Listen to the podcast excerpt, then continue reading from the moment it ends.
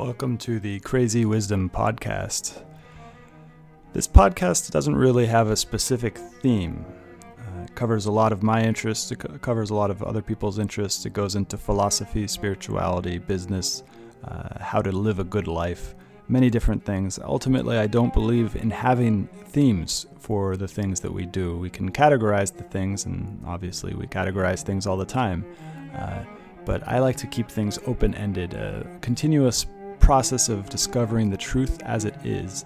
Uh, and the truth is tricky because we can't really get to the truth uh, exactly because the truth is nonlinear. It is, in the words of John Vervaeke, combinatorially explosive.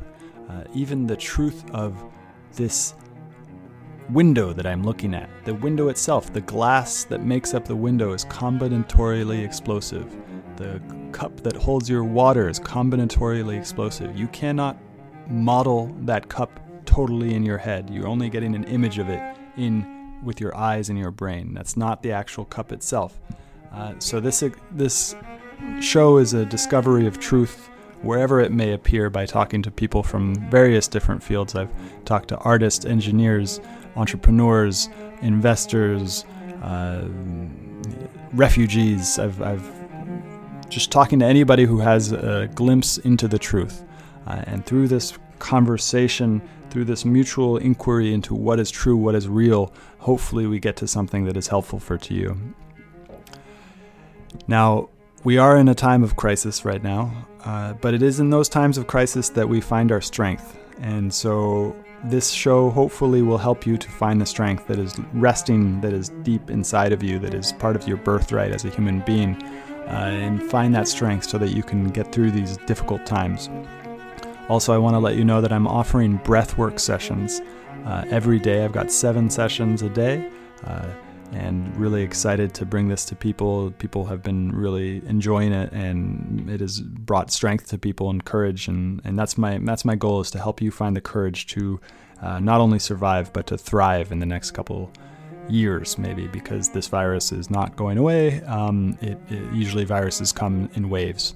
Uh, so this is the first wave. It will go away, and then it might come back. I'm not saying that I know for sure it will come back, but we are in this for the long haul. So this is a uh, marathon, not a sprint, uh, and I want to do everything I can to help you not only survive but to thrive.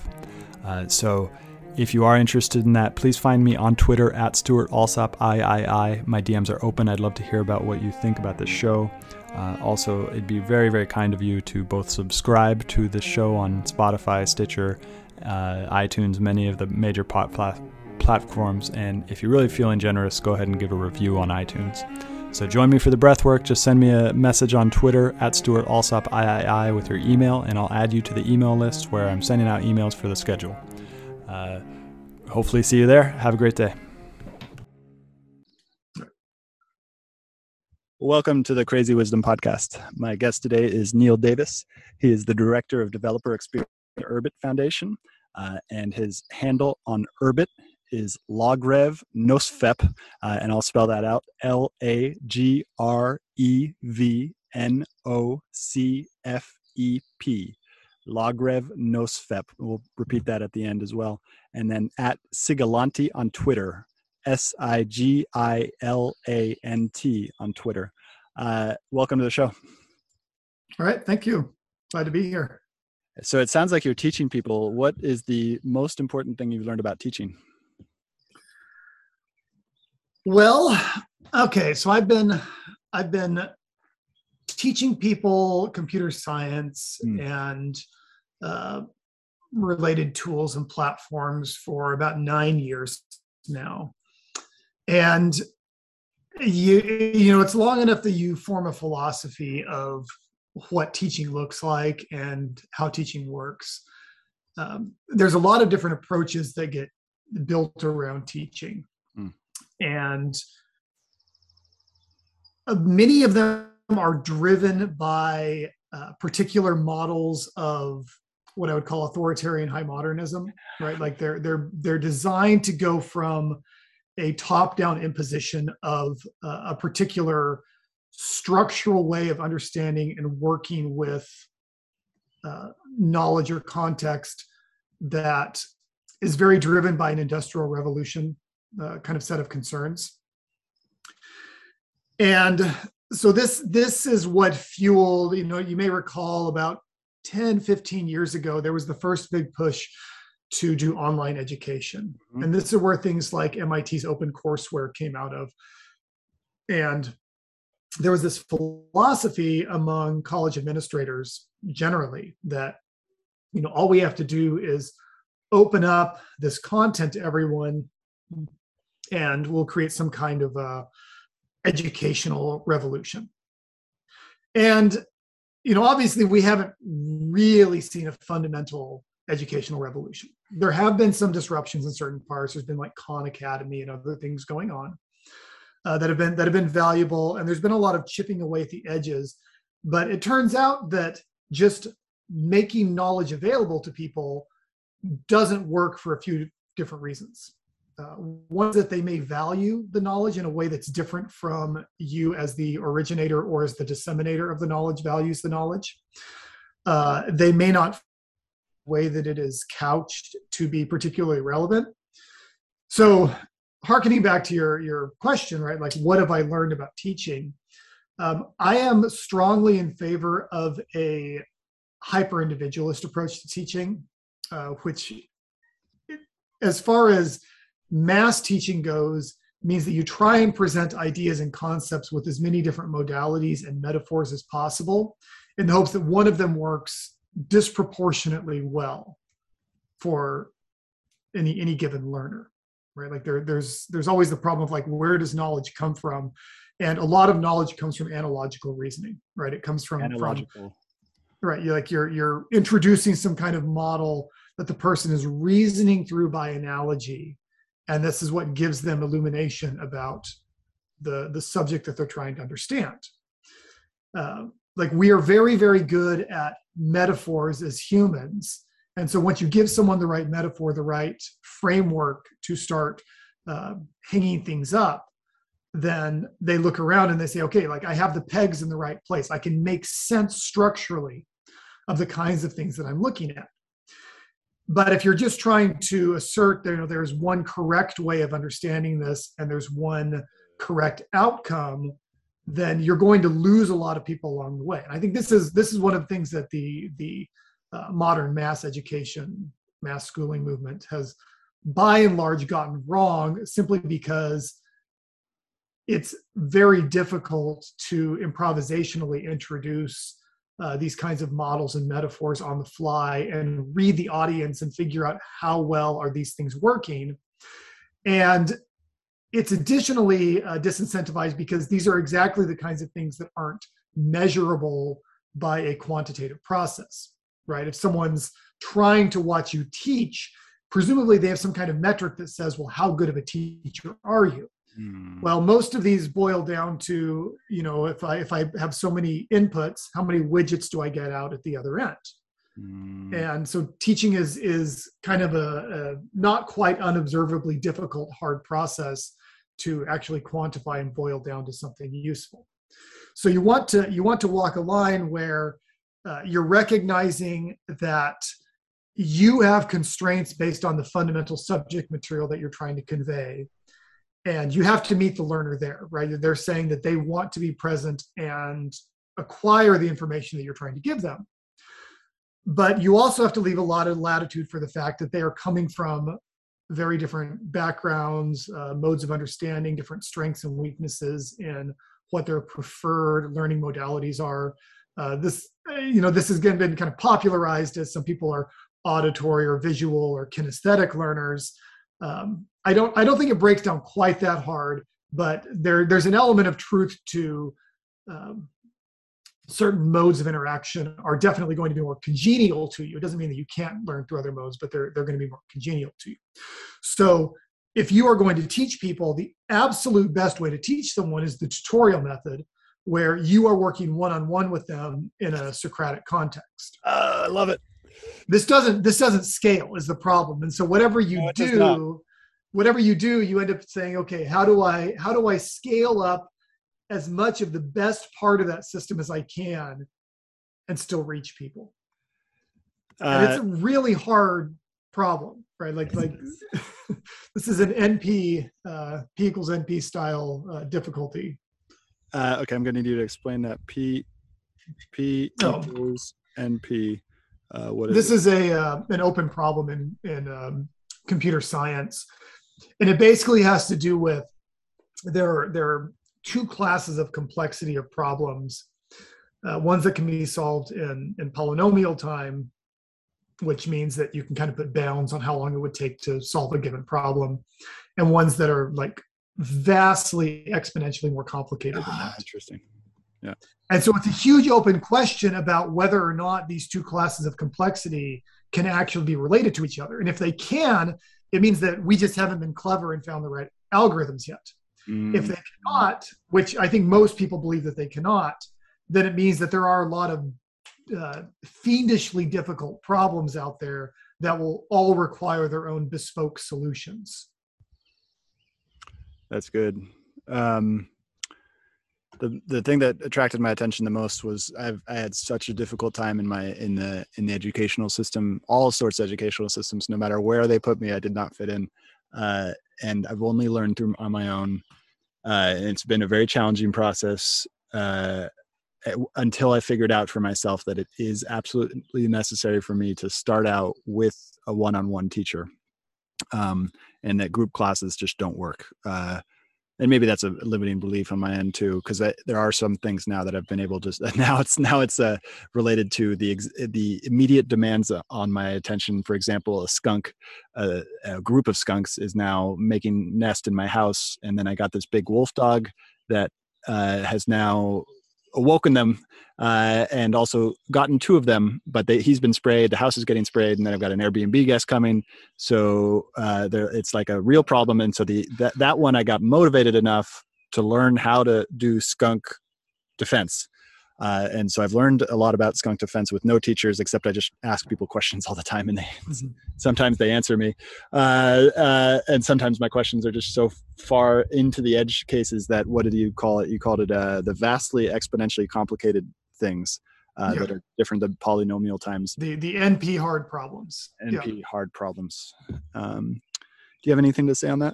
So so what do you what difference do you suppose it makes to you having the one-on-one teacher when you're starting the learning task?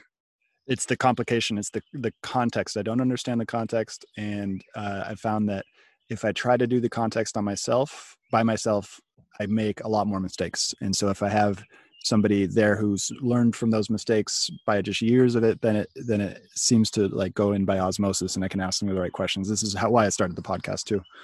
Okay, okay. So part of what's going on here, I think, mm. um, my hypothesis here is that when you are working on a on a particular problem, there tend to be characteristic failure modes ah. uh, into which people fall, right? And so we can call these gumption traps if we want to riff off of Zen and the Art of Motorcycle Maintenance, right? Like they're they're a place where your gumption gets sucked down. They're an energy sink, and when you hit one of these energy sinks, it takes a lot of agency and, and energy to activation energy to to lift yourself back out of that energy sink, right? And and this has to do with uh, with the structure of our attention and uh, the nature of our momentum working on a particular problem. And so this is something that happens a lot when you start getting into a project for the first time, right? Like when you're learning something for the first time, uh, you're you're confronted by what Rumsfeld called the unknown unknowns, yeah. right? Where you're you're looking around and you're saying, I don't even know uh, enough to evaluate whether or not a question is a good question. Yes. Right. This this is very common for an instructor to to look out at the classroom. You know, you presented some material and you say, you know, what questions do you have? Incidentally, what questions do you have is a much better question than are there any questions? Um, you say, what questions do you have? And you still often just get blank stares. Yeah, yes. Because until people have absorbed it and kind of had time to sleep on it and and give it some solidity and some heft in their mind, they don't really know what a good question is right? Like like what is a question that actually makes sense in this context that would be illuminating to me further muddling these pieces? And so when you're getting started with a topic uh, one of the things that, that has, has worked well for me that um, I think has a lot of value is finding finding some sort of subject matter expert, right? So you you can get one on one. I think there's a lot of value in that. It's one that I've used occasionally, but I think there's probably a lot of untapped potential in the internet because we can pair people up with experts for 30 minutes and yes. you get a, a brief spiel. Um, so, so I think it's probably this massively underleveraged opportunity that we can we can give to people. Um, so, so get some subject matter experts. Sometimes this means just reading the entire Wikipedia page, and then go to the fringes, right? Go to the low status sources. Oh, and um, so there was a, I think uh, Justin Murphy had a guest on Other Life podcast recently who made this point that the advantage of a low status source is that they're able to speak truth without concern for its political implications. Right. And so you go to low status sources and you see what the low status sources are saying. And this gives you kind of this bounding box on the problem, right? Like now you know, here's the official story, like what is known and here are the fringe edge cases and i don't want to commit the fallacy of the of the middle and say well obviously the middle rise exactly between the mainstream view and the fringe yeah. edge case because it, it may very well lie much closer to, to either one of those edges uh, interesting um, but it gives you it gives you a sense for uh, the nice thing about fringe cases is that they give you a sense for the kinds of questions that at least some people think are legible in the context of, of what's being discussed here right? And so once you have those pieces, now it's much easier for you to go start digging around and okay, um, if, if I if I pick up some particular subtopic within this discipline and start hacking around on it, trying to trying to build on it, you know, what what can I what can I figure out? Okay, that's yeah, this is uh, very interesting. This is actually very helpful for me. Um, so and this is specific to programmers and specific to maybe even to people who are learning urbit who want to learn urbit what is the demand um, for new for previous programmers to learn urbit so the demand from the supply side as in why would someone want to learn hoon or the or the demand from the demand side which is why why are people hiring? Well no as in your in your business uh, in your business how many people have started to sign up for your courses? And you don't have to answer that specifically but like what is the demand for programmers? Uh, like actually here's a better question. What percentage of programmers would you estimate know about urbit oh vanishingly small. Um, so we've we've had a pretty good response with hoon school live so I ran the Hoon School Live course from February through the end of May in 2022. It's not the first time that a Hoon School has been taught as a course. I think it may be the sixth or seventh time that it's been taught uh, by a few different people over the years. And so if you go and look back at the numbers, you're able to get a sense for uh, the growth in interest and demand over time. So, you know, the first uh, first couple of iterations of Hoon School, I think they had on the order of um, a dozen people like actually finish, go all the way through to the end, and and complete it. Uh, now, I think we're on track to have about 60 people finish uh, this current run of Hoon School, which is fantastic, and it's more than I thought we were going to get. Uh, so people are, are becoming more interested in it because Urbit is this thing that's been around and it kind of has this weird reputation, right? Like people hear about Urbit, like like what is what is Urbit Like what what the heck is going on with this project? Uh, but it also has staying power, right? Yes. So at a minimum, if you've heard a name kicking around and you don't know what it is, but you've been hearing the name for you know five five to eight years you know that there's probably something there because things don't tend to survive particularly long on the web if there's not something there. So you know maybe you say okay it's like ted nelson's xanadu project where it's like this weird pie in the sky or something. Yep. but then when you start digging around uh, i think i think the the the visual imaginary image that i that i've been enjoying lately for talking about Urbit for people. Is like Urbit is like discovering a secret door in a house that you didn't know was there. right? And you open the door and there's like actually stuff there. Like there's actually a room there and it has amazing things that you've never seen before, right? Like and I think this is what's drawing people in and why there's building there's been momentum building around this and why Urbit stars for instance have been relatively robust against the recent and ongoing crypto downturn uh, which is that there's there's something substantial in Urbit there's something substantial in the yes. project um, people are using it the the project dog foods itself right people are are developing on Urbit and they're using Urbit every day um, it's solving problems, albeit slowly, right? Like like progress on Urbit is not lightning fast, but that's because the project is concerned with getting the right answer rather than the fast answer. Nice. Right? Like you're always looking at what what scales forever. Now, for for a developer, right? So let's say you're you're a coder, you're a software developer, uh, you hear about Urbit. I think there's basically I'd say three archetypal responses to what's going on. Okay. So many developers are sort of uh, tangentially aware of Urbit at most, or they haven't heard it at all. And maybe they hear about it, but it just it just bounces off, right? It's water off the duck's back, and they don't, right? It, it doesn't it doesn't stick, right? It doesn't doesn't go anywhere for them, um, and that's fine, right? Like they're they're in their lane, and they're going to keep working in their lane, mm-hmm. and and that's fantastic. There's another kind of programmer that um, I think used to be more common because I think it appeals, I think as a, as a psychological architecture, it particular programming particularly appealed to this kind of person. Yes. Um, this is almost like the Richard Stallman type, but this is the kind of person who's very concerned with, you know, they they get excited about some platform like Lisp or APL or something that's that's a very purist kind of platform, maybe Haskell, OCaml. And what happens is they look at it and they say, well, if we just tweak XYZ, we'll have a better platform. And then they go do this, you know, they fork the project, they build this thing, and then they have like this own weird version of like Emacs Lisp that basically literally only them in the entire world use.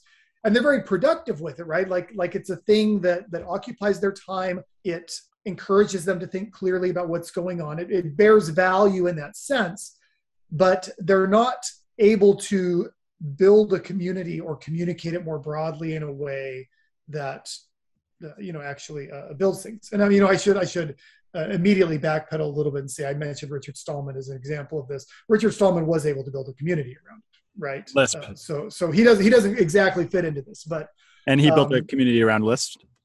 Uh, well, around uh, uh, GNU, and then ultimately this fed into the the tools that became Linux.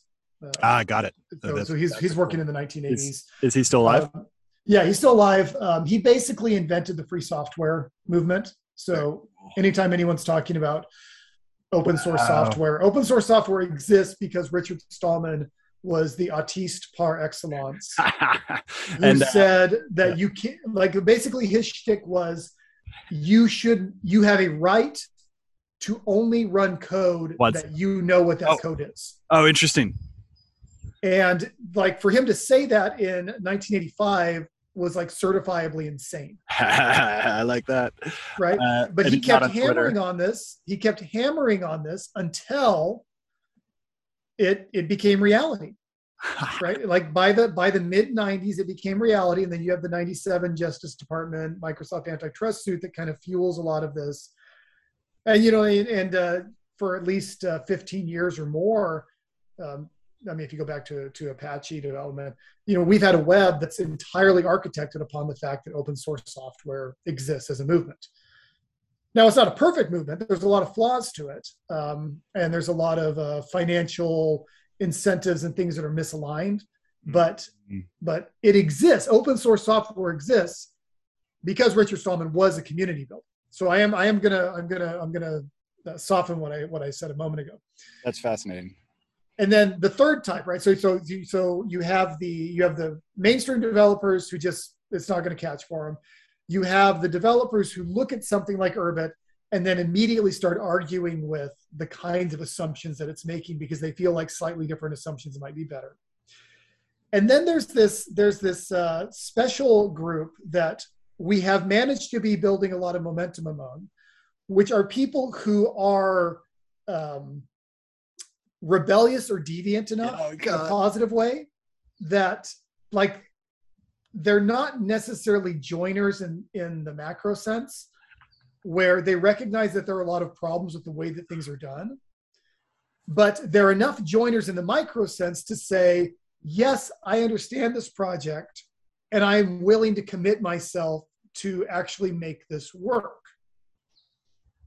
Um, interesting um, and go through the hassle uh, of learning the runes and the total the difference the difference in the in the semantics i think that's the word and the difference in all the other stuff right. So so you've you've you've found this group of people who are willing to say uh, yeah i'm one of those people. i think that what yeah i think that what this is doing is valuable enough that it is worth my time and energy to to build this right? And so in a sense it's kind of like getting interested in bitcoin in like early 2013 yeah. Right? Like like like we're early enough in the game. I mean urbit's been around for you know nine years it's longer but than- we're early enough in the game still that like i encourage people like if you're thinking about doing urbit, like if this has been tugging at the edge of your mind right like tugging on on the the sleeve edge of your mind like pause and give some serious thought to the question of like why aren't you working on urbit? right? Which doesn't mean learning to code. It doesn't mean learning to code. There are a zillion things you can do in this space that don't involve learning to code. Yes. Well, but okay. we need these people. Like we need everyone to make this happen. So this is a perfect introduction into something I wanted to get your thoughts on. I am going to build a treasure hunt. So I've got my third set of Airbnb guests that are coming to my house uh, Airbnb is a temporary solution to understand what it's like to have uh, short-term guests come to my house. The long-term goal is to have executives uh, from startups that are of the, the the the fourth type of developer that you just mentioned. Um, uh, those type of people uh, to come and do ropes course, team building, um, and treasure hunts. Uh, the treasure hunt will be open to the public. it will be a paid treasure hunt. There'll be one with just paper, and then there will be one that interacts with your phone, and then there'll be a free scavenger hunt that also interacts with your phone. Um, the uh, the two with the phones, uh, privacy is going to be a huge, huge thing for me. So I want to make sure that whoever comes to my s- place has the option to be private or not. Uh, and so mm-hmm. it feels like Urbit is the perfect future tool for that. I don't think it's there yet, uh, but I want to build hardware and do a mixed reality thing and i want to program urbit into the land itself um, and then send i live in this okay. Very strange place um, full of back to the earth hippies who got kicked out of the bay area in 1968 uh, and uh, once the conservative backlash happened in the bay area um, against the against the hippie hippie movement. Um, so this was one of the refugee refuge there's a, there's a few throughout the state ojai um, uh, some other places as well. And uh, it is just wild. It is really really interesting place. There's this beautiful river uh, there's a bunch of crazy people that you kind of like have to be standoffish towards because they're really crazy um, and uh, it's just like a it's a carnival and so i'm going to create a wellness carnival built on urbit what are the main challenges that you see in terms of that? Okay. I think that it's not it's not particularly infeasible to hmm. talk about even doing something like that today. Yet. Yeah yeah I, I, think i think you have you have a couple options that would uh, that would be able to build something like this quickly for you oh, interesting um, one of them is think about what you're doing as you know if you were thinking about it as a web page driven kind of experience right so you could build an urbit app that they would install this Urbit app, and then you know everything that they're doing is then encrypted on their on their Urbit, and that's the only thing they need to worry about. Mm. But they install the app, and then what it would have to be doing, and I think this is the more complicated part, is you would have to figure out how to do the call outs to um, the phone's device to track the uh, geolocation if you're going to have it dependent on where you're at. Got it. Yes. Um, I think that's a little bit more complicated. I've actually started thinking more recently, more deeply about how we can effectively expose underlying system services to an Urbit ship. Uh, right now, Urbit basically conceives of itself as a server, and so you know it's it's talking to to client processes like a like a browser web page that's open on some other device, um, or even on the same device. But we also are going to want to be able to run. You know, if we're thinking of Urbit as an operating system, there's a lot of underlying system properties. Mm. Uh, you know, location, Wi-Fi strength, uh, and so forth that we want to have good connections to, good affordances to. And so I think that as we start thinking about building out uh, Internet of Things style tooling on top of moons, Got it. this is something we're going to have to get oh. right. Oh, interesting. And I think there's been some experimentation with this uh, around running Urbit on different kinds of devices. I mean, at a, at a minimum, there are a lot of people running Urbit on Raspberry Pis, uh-huh. but it's still just in general, you know once you have once you have an urbit running on a particular system architecture you still have to decide how is it going to access this information right like you want to know cpu temperature you want to know i mean right so so let's let's imagine yeah just uh, just a little um, urbit app that plays a tone based on your wi-fi signal strength oh. or your cpu temperature or something like that right? Or or based on your proximity, right? You could do a hotter or colder game where the tone oh. changes Ooh, there it is. to a particular location.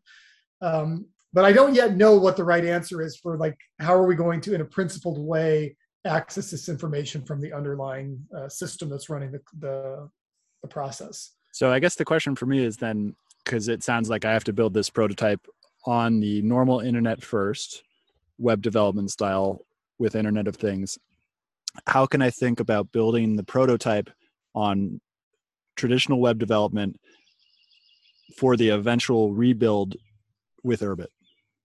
Okay, so Urbit has a really good separation between the view, which is your front end, yeah. and the the model and the controller, which is your back end, right? So Urbit you can think of as um, at a minimum, you can think of it as the database and as the, oh, cool. the, identity, right? So, so it contains your identity, it contains your database, it contains your communications. Yeah. But everything else that you're doing can live in the browser window, right? It. it. can live in that in that transient um, RAM state in your browser. You're just writing back whatever you need as permanent state to your Urbit ship, right? Like the Urbit actually doesn't need to know certain things. It doesn't need to know. I mean, you know let's say you're doing a scavenger hunt and it's based on proximity to certain certain places well it you know you could you could build it two ways right like one way is where you actually track everywhere you've been and it's you know it's stored securely on your own device. It's not transmitted anywhere but it, it tracks the whole path you have. Mm. or you could just track whether or not they actually found the location. Oh. and those have two different architectures right? One of them you're constantly writing back to the urbit database here I am, here I am, here I am, in terms of latitude, longitude, or, or GPS or whatever coordinate system. Yeah, so I only need to I only need to figure out whether they've found it or not. Right, and that's the only thing you need to actually track in the Urbit backend, and then you have a front end that's doing all of the the dynamic uh, call out to to system operations and, and tracking everything that's going on. That is cool. So there's actually going to be a uh, in July and August. There's going to be an Urbit hackathon. Oh. So if you're interested in actually building like a scavenger hunt style tool yeah. like this, like it's a really good time to find a team. And yes. and yes. so so so if I'm talking about if I'm thinking about like what's the ideal team to participate in something like the hackathon, my my ideal is that you would have a you'd have a hooner, you'd have a front end dev, and you would have a a domain expert. Mm and that those three working together are like this ideal encapsulation of a team. You know, maybe you have some others because what you're doing needs some marketing or more graphic design or something like that. Uh, but that's kind of the the technical kernel of a team are, would be those three people. What are the dates on that? Um, I don't know the exact dates off the top of my head, but it's July. It's going to start in July and it's going to run through August. And then when we have assembly, the Urbit conference in Miami at oh. the end of September, we're going to showcase everything we possibly can there. Ooh, so people are going to build things and then we'll have a showcase at assembly of here are things people built over the summer um, you know kind of related to like why people care about urbit yeah. i think that once you put in the upfront cost to learning hoon yeah. and the way that urbit works it's actually a fantastically uh, quick development environment it, it provides you a lot of primitives and it keeps you from having to re-implement a password interface and a database backend and all these things because you get those for free once you're running an Urbit ship. And then where is it? Where is the hackathon? The hackathon will be online, so it'll just be ah, running oh, cool. uh, like there'll be some kind of window. Um, I think uh, Stuart Christoph, Sarlev Sarsen is going to own that particular uh, event. So very we'll, cool. I'm very interested in that, and I've got a programmer here. I've got a programmer who doesn't know um, Urbit, but once I told him about it, lit a fire under his ass, and he went uh, trying to try to figure it out because he's a tinkerer. And this is a great story because he is a um, I I'm in the mountains or I'm in the foothills, uh, but only 45 minutes away is the mountains, and uh, this guy grew up deep in the mountains, and then somehow became a programmer with the early rise of the internet and just started tinkering and um, and is now he it's so funny the issue and i think he, he'd be fine with me sharing this is basically the issue with him is that he fell in love with programming at a young age but he never wants to do it as a job uh, because i'm sure i've got similar things where it's like it's like something i learned when i was really young i just don't go back and touch that basically um, and uh, and uh, and uh, and uh, I, I I think of course that he could make a lot of money doing it and he needs money right now. So but so in the weird the weirdness of that is now that i'm i'm paying him to do landscaping uh, which he loves doing for money uh, because it's just work but the programming is fun. What do you think about that complex? So i think that there's an interesting value proposition that's becoming more apparent on the web now there are platforms like immunefi uh, and things like Urbit. And in general, as DAOs and DeFi continue to grow, um, and they are continuing to grow even with the crypto downturn, right? Like people are building, they feel like there's something real that they're pursuing. As this process continues, there are more and more opportunities to basically uh, intermittently or asynchronously earn money. Uh. Right, like it used to all be about the grind set, right? Like, like you're gonna you're going to build this platform and you're going to have this following on the web. And for certain personality types, that works very well. But we're also getting to a point where it's like, you know, you could sit back and you could say, well, if the price of ADA or an Urbit Star or what have you uh, holds to certain, excuse me, assumptions, then I can undertake particular bounty projects that pay Ooh. me off. And so it's like every six months, I buckle down and do like two hell weeks in a row yeah. and knock out some big projects. And then I spend the other 95% of my time doing whatever I want to. Uh, how, like how this is this is becoming feasible. This is becoming feasible.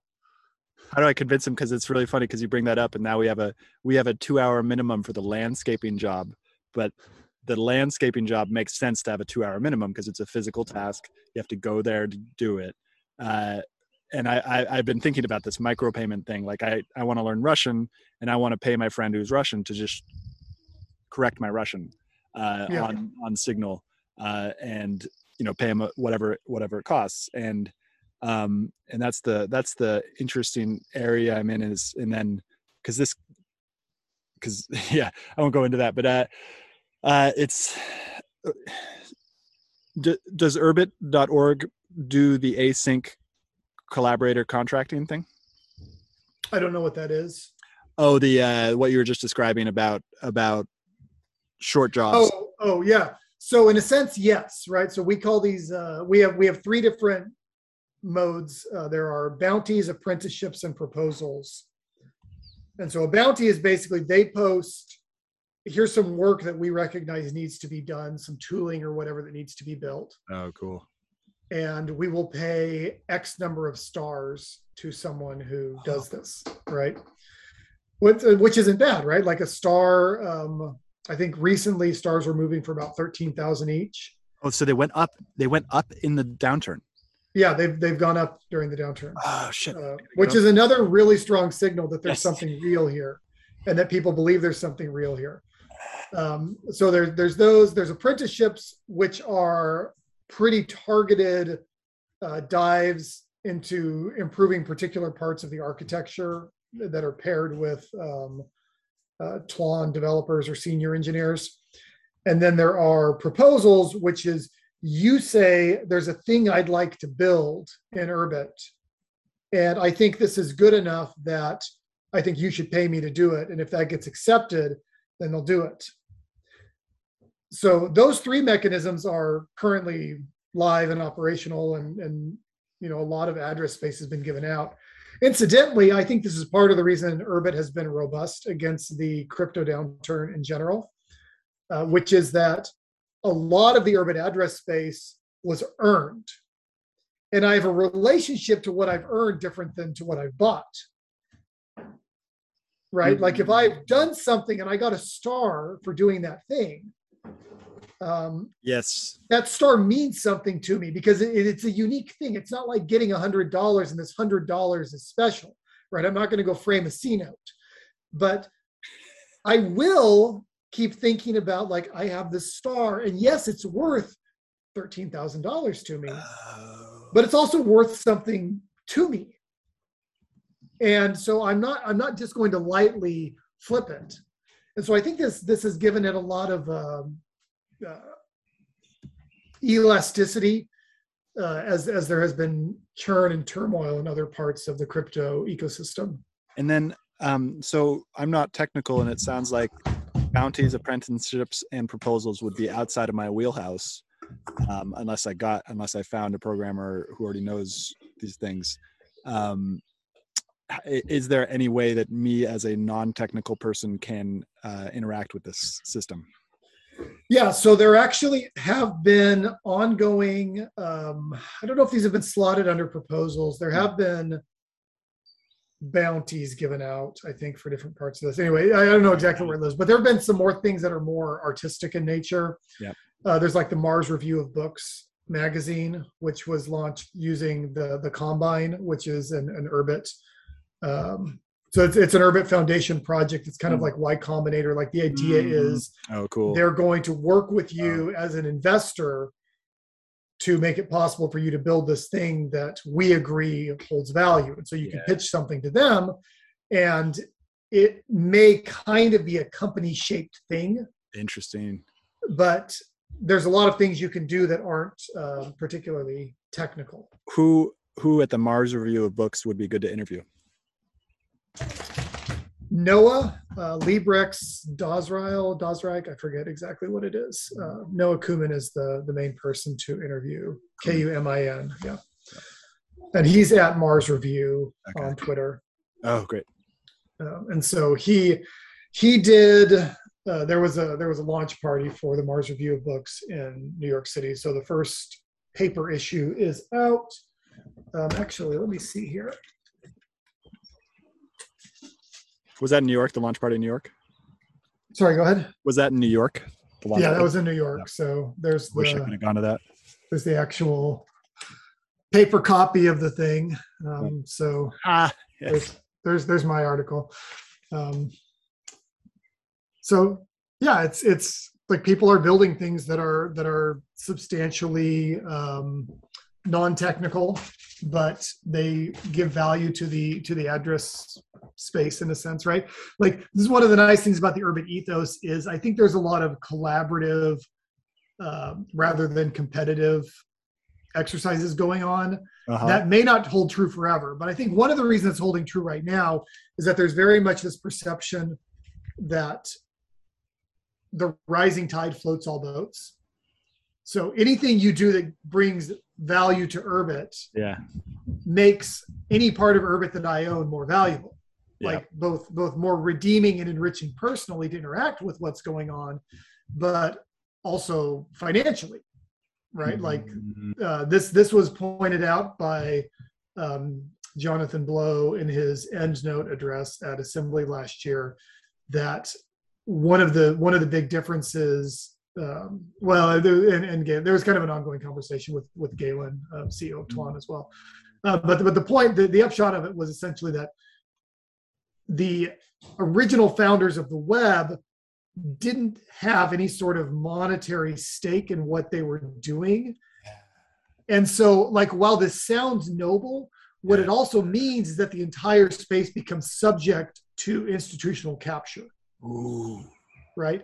Whereas because Urbit, everyone who gets involved with it, it's relatively easy to get skin in the game on this. And it means that the whole system is going to be very robust against over centralization in one particular place. Interesting. Okay, so we got 10 more minutes left. Um, this institutional capture is something very fascinating because uh, it's everywhere. It seems almost like a David and Goliath type type of situation. Uh, right. And Urbit definitely fits the David situation there. Uh, and uh, uh, but it's like it's it's it's like that, but it's also feels like the people working on Urbit know that it isn't like that because ultimately, if you think for the long term, um, you're going to win against any power, no matter what. Um, I think I think that that's an assumption that I well. I so I think that's a common assumption. Mm. Um, and I think there's a lot of people who do that. I actually I, I disagree. Um, which is which is you know when when people disagree, the audience wins. Um, but so so so okay. So let me state what I think is the Steelman case uh-huh. for Urbit winning. Okay.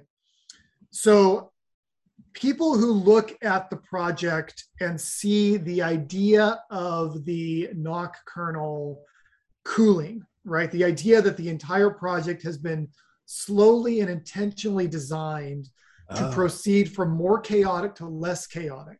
Oh, they perceive a teleological inevitability in the progression of the project, right? And they say, well, on a long enough timeline, coal turns into diamond, uh. right? That that like we are we're going to win because this thing is being built on. I think that we're actually in the opposite case where Urbit is incredibly contingent and it's a happy accident that we got to this point and it's more than we deserve to be honest.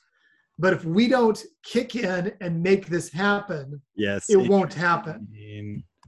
right? Like we have to like like this is goes back to what i said earlier like if you if you if you're thinking about getting involved with Urbit, like just get involved with Urbit, right? Like i mean this makes me sound like i'm a i'm a being a cultist or something about it. And I'm, I'm not. I'm just saying that if you think there's something that bears value in the world or is capable of bearing future value that you recognize as like a fundamental good, right, or a strong enabler of goods of first intent in the Aristotelian sense, then you really should be dropping everything to work on those things right? Like, like I, I mean, I will guarantee you that unless you're working on something that capital M matters, yeah, working on Urbit is going to be more personally enriching for you than making PowerPoints. So, but this is this is actually what I was saying because I, um, what what you're saying, what I believe you're saying is that work on it out of love for the good, um, and then that will motivate you and from my personal philosophy or spirituality or maybe even religion uh, uh, that force that you're talking about is the most powerful thing in the universe um, and will ultimately conquer everything else if we believe in the in the nature of progress um, although there be ups and downs and such like that. Um, uh, and we might be at the very very beginning of something very very long uh, that might not look very pretty for the next couple hundred years uh, um, so, what is your thought on the open future? I hope we pull it off. Um, there's a, there's a lot of okay. Ooh. So you originally well what do you mean by open future i guess i should say yeah. so open is this future, like is this like agenda 21 great reset kind of thing or oh no like, no no no no it's actually it comes from religion it comes from i believe i believe that uh, jesus was the first person to conceptualize the open future and the individual. Um, so believe before jesus there was there was no sense of privacy before the romans. In the romans it was you you you were identified with your family. And then jesus okay. came and said everyone has a soul.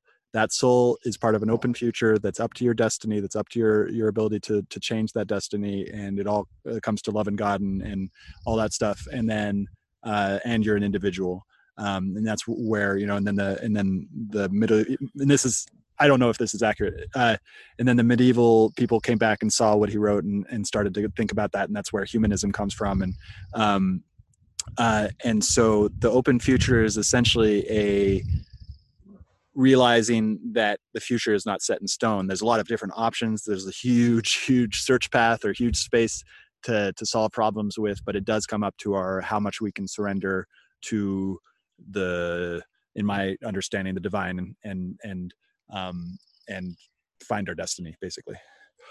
Okay. Okay. So I guess let me let me kind of answer a macrocosmic version of this, and then Ooh. we can we can flip it back around to like Urbit scale stuff. Um, so I think that one of the really hard problems for someone to answer is uh,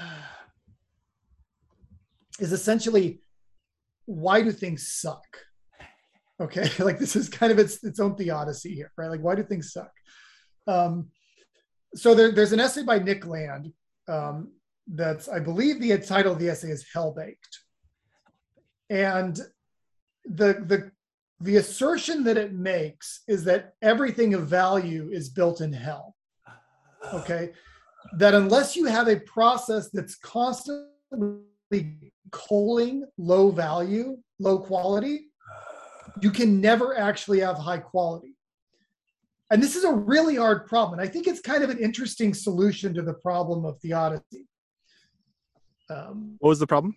right like like why why does evil exist uh, like what exactly does that mean yes and i think that at least part of the answer is that if we take what i will somewhat uh, as a bit of a caricature call the hard darwinian view uh.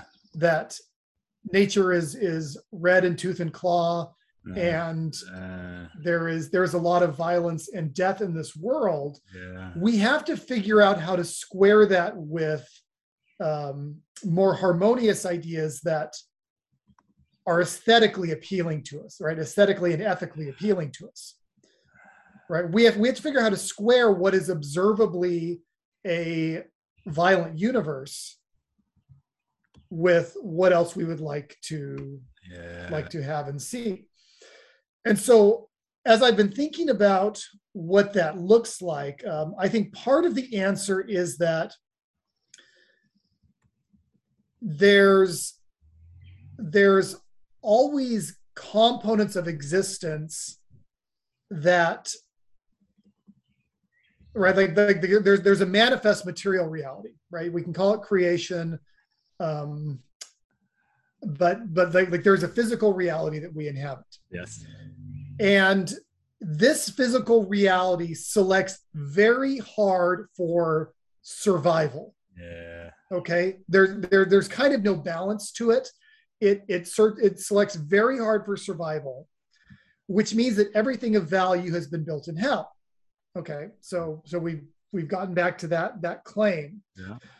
Um, and I think that if you're, if you're going to believe in a harmonious universe or God or world soul or however you want to frame it, then you have to, for me, I think the, the next move is to say, okay, this means that the only way for intelligences or spirits to enter into higher states is by surviving a fully oppositional world. right and that and that the world that is hell that is baking us in hell is in fact the world that is most designed and arranged to maximize that that exaltation to the next step. So interesting because these questions have been around for so long and there's so many good answers to them and a lot of people basically ignore the answers because it's old uh, and and every and the the the new is the thing. But i love the new too because i love technology and i love and i imagine that you all do as well. Um anything you want to say in the last couple minutes well um so if i'm going to tie it back to open future then mm. um i think where i would go with it is to say that it's not going to get easier right? Like if we're going to build something of value that thing of value is going to be baked in hell. And this isn't a black pill right? Like this is this is a white pill. It means that if you can build something that survives uh, it means that it has been found worthy right? That, that if, it, if it bears a certain kind of value that is becomes encoded into its own existence it is found worthy and therefore does does proceed to whatever the next step of uh, individualization or or progression looks like along that that human arc right? Along that human journey um, that that we we have we're trying to build things that exodus from particular traps right? So we can look at the natural world and we can infer certain things certain properties from observing other properties right? So if you see a ferret you know that a rabbit exists, even if you've never seen a rabbit, because the nature of the ferret entails that there is something like a rabbit that a ferret is designed to live hmm. on. But, and so if you see a flower, you know there's something like a sun. But if you see a moth, you don't know that there's something like a flame, right? The flame represents a short circuiting of the regular feedback paths that make it possible for the moth to survive. And so, if we are going to build things, we have to build things that are designed to steer human moths away from flames. Because that's how you make it to the next point, right? Like like the internet web 2.0 is a flame. Yes. And all yes. of the human moths are steering into the flame. And what Urbit and certain other Web3 projects are doing is trying to build a new way of reclaiming attention the same way that, that the Netherlands was built by draining the sea.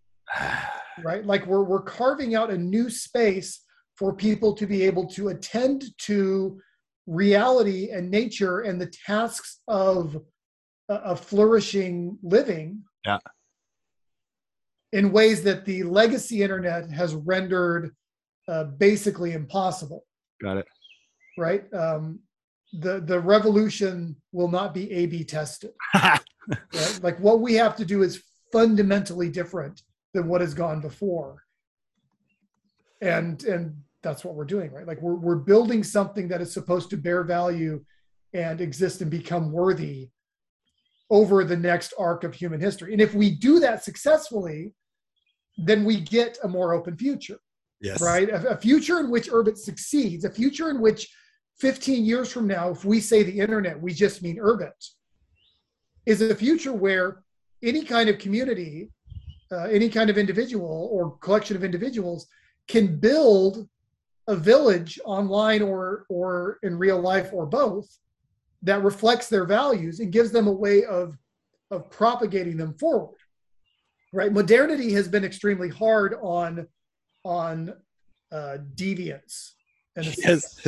right like like we have an extremely narrow psychological architecture right? we, we tend to think about and interact with things all in the same way and the internet has really accelerated this right i mean if i think about the people i knew when i was growing up in the 80s and 90s people were weirder oh interesting than they are today they were weirder and i and i like quantitatively like i can remember people doing things yeah. That like I mean there was a guy that we knew who would sit at the table, he'd work on a jigsaw puzzle, and if a piece didn't fit and he thought it should fit there, he'd pull out his pocket knife and whittle the piece till it fit. right? Like like and then but like people were like like everyone was like that then. This explains and people are like that anymore. this well, some people are like, if you should come here because people. Well, are here. okay, yes, yes. Yeah, yeah, yeah. Um, there are enclaves, yes. but for the most part, those enclaves are are struggling to find ways of of yes. perpetrating, you know, And the perpetuating reason- themselves into the future. Well, and the reason why that is here, and specifically, is that this there's an underground industry for cannabis, so it's extremely counterculture, uh, and everybody was making money, a lot of money, uh, by growing weed in the forests, um, and uh, and now that economy is destroyed here, and uh, and there's a lot of counterculture people. Maybe we should do another interview at some point about the on the question of counterculture and um, whether that makes a good employee or a bad employee. Um, Yeah. Or you know, that's a that's a big. Or is that even the right question? Is it even That's the right question? one, Yes. right? yes, yes. Um, like, is the is the employer employee relationship actually a good kind of relationship that we should seek to perpetuate into future forms of human organization? Oh, interesting. Right. Interesting. like and I, I think that DAOs give us a very different um I think that what we're doing with DAOs are still are still small and what they're going to enable in terms of different modalities of human organization is going to blow our minds like we're going to we're going to see so many things tried in the next decade that um, will just look radically different from organizational structures that we've tried until now and some of them will not succeed and some of them will succeed yes. but that goes back to the hell baking, right? Like we need to try new things because we need to see what actually works. Yes. And it turns out that we're going to find ways of of expressing these structures that are, you know, I believe we'll find ways that are more effective than anything we've done to date. I mean, there was a time in history when the joint stock corporation was invented. There was a time in history when the association, uh, in the sense of a faculty or a bar, was invented.